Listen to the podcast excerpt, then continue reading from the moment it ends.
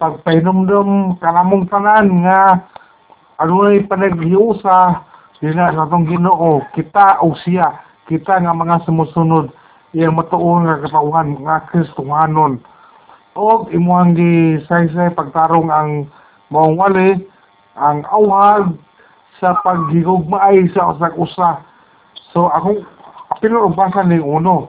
Kay mga teksto Genesis 10.5 pwede man pero apilo sa ako ning uno kay kaning uno referensya So ako ang matuod nga punuan sa paras o ang akong amahan mo ang tig at timan. Sa 5, ako ang punuan sa paras o kamo ang mga sanga. Ang bilin ka na ko, ako diya kaniya, wala ka may mahimo. Uh, mamuang daghan. Kaya kung wala ako, wala ka may mahimo. So without me, you can do nothing. Kaya kung wala ako, wala ngayon kita'y mahimo kung wala sa Ginoos Kristo sa atong kinabuhi kung bulag kita kang Jesus Christ, ha, kung bulag kita kang Jesus Christ, kamay atong gidawat, gituuhan, gidawat, ginuog, manuluwas, sa itong kinabuhi, wala gyud kita mahimo. Ang Dios nakasay mahimo kung wala pa. Pero kita wala kita mahimo kung wala ang Dios. Tinuod gini. Kining mo kamaturan makasulti kita nga murag imposible kaayo nga makahimo kita maayo nga butang. Kung wala ang Ginoo uban ka nato kinahanglan gyud ang iyang pag-uban kato mga igsoon aron mahimo na to ang mga mayo nga mga butang.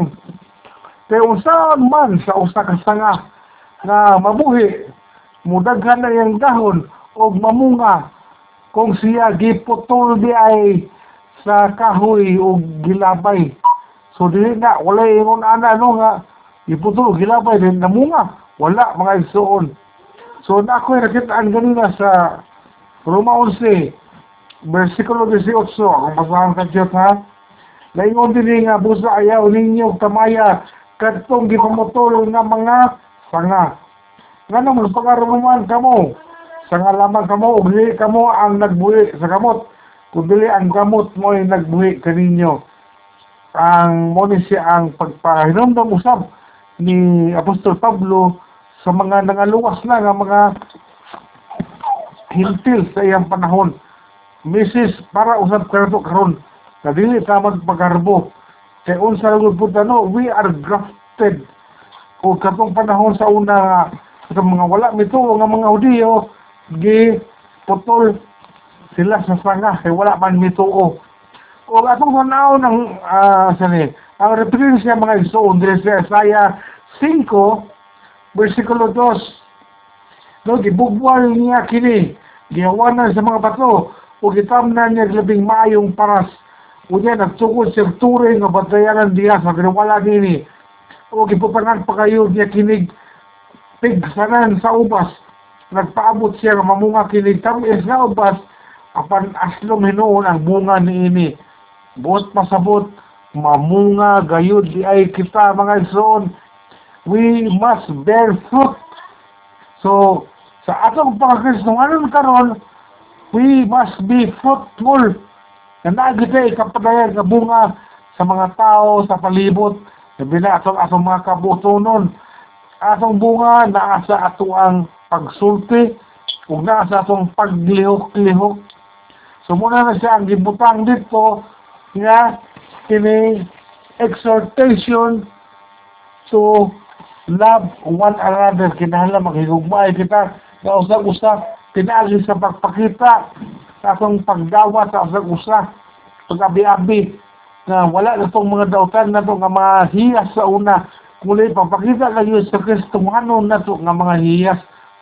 Dayon mahimo ngayon nga magpabilin kita kanunay sa kaning punuan kay kung bulag kita sa punuan wala kita mahimo Tiluod na ato ang kunon kaya sa itong kinabuhi. Without Jesus in our lives, we are nothing. So salamat sa Ginoo sa kinabuhi sa nagwali. Si Sindi ihan natisok sa atong kasing-kasing karon ang mga mensahe nga na ato'y union with Jesus. Ug padayo na to nga i-cultivate mga igsoon na dili kita mabulag kaniya aron naapatay daghang mahimo mabuhat nga mga maayo inubanan sa tabang sa tong Ginoo o sa balang espiritu nga iyang ipala kanunay nga ipauban ka nato. So, all things will be made possible in our lives tungod kay ang Ginoo nagtabang ka nato.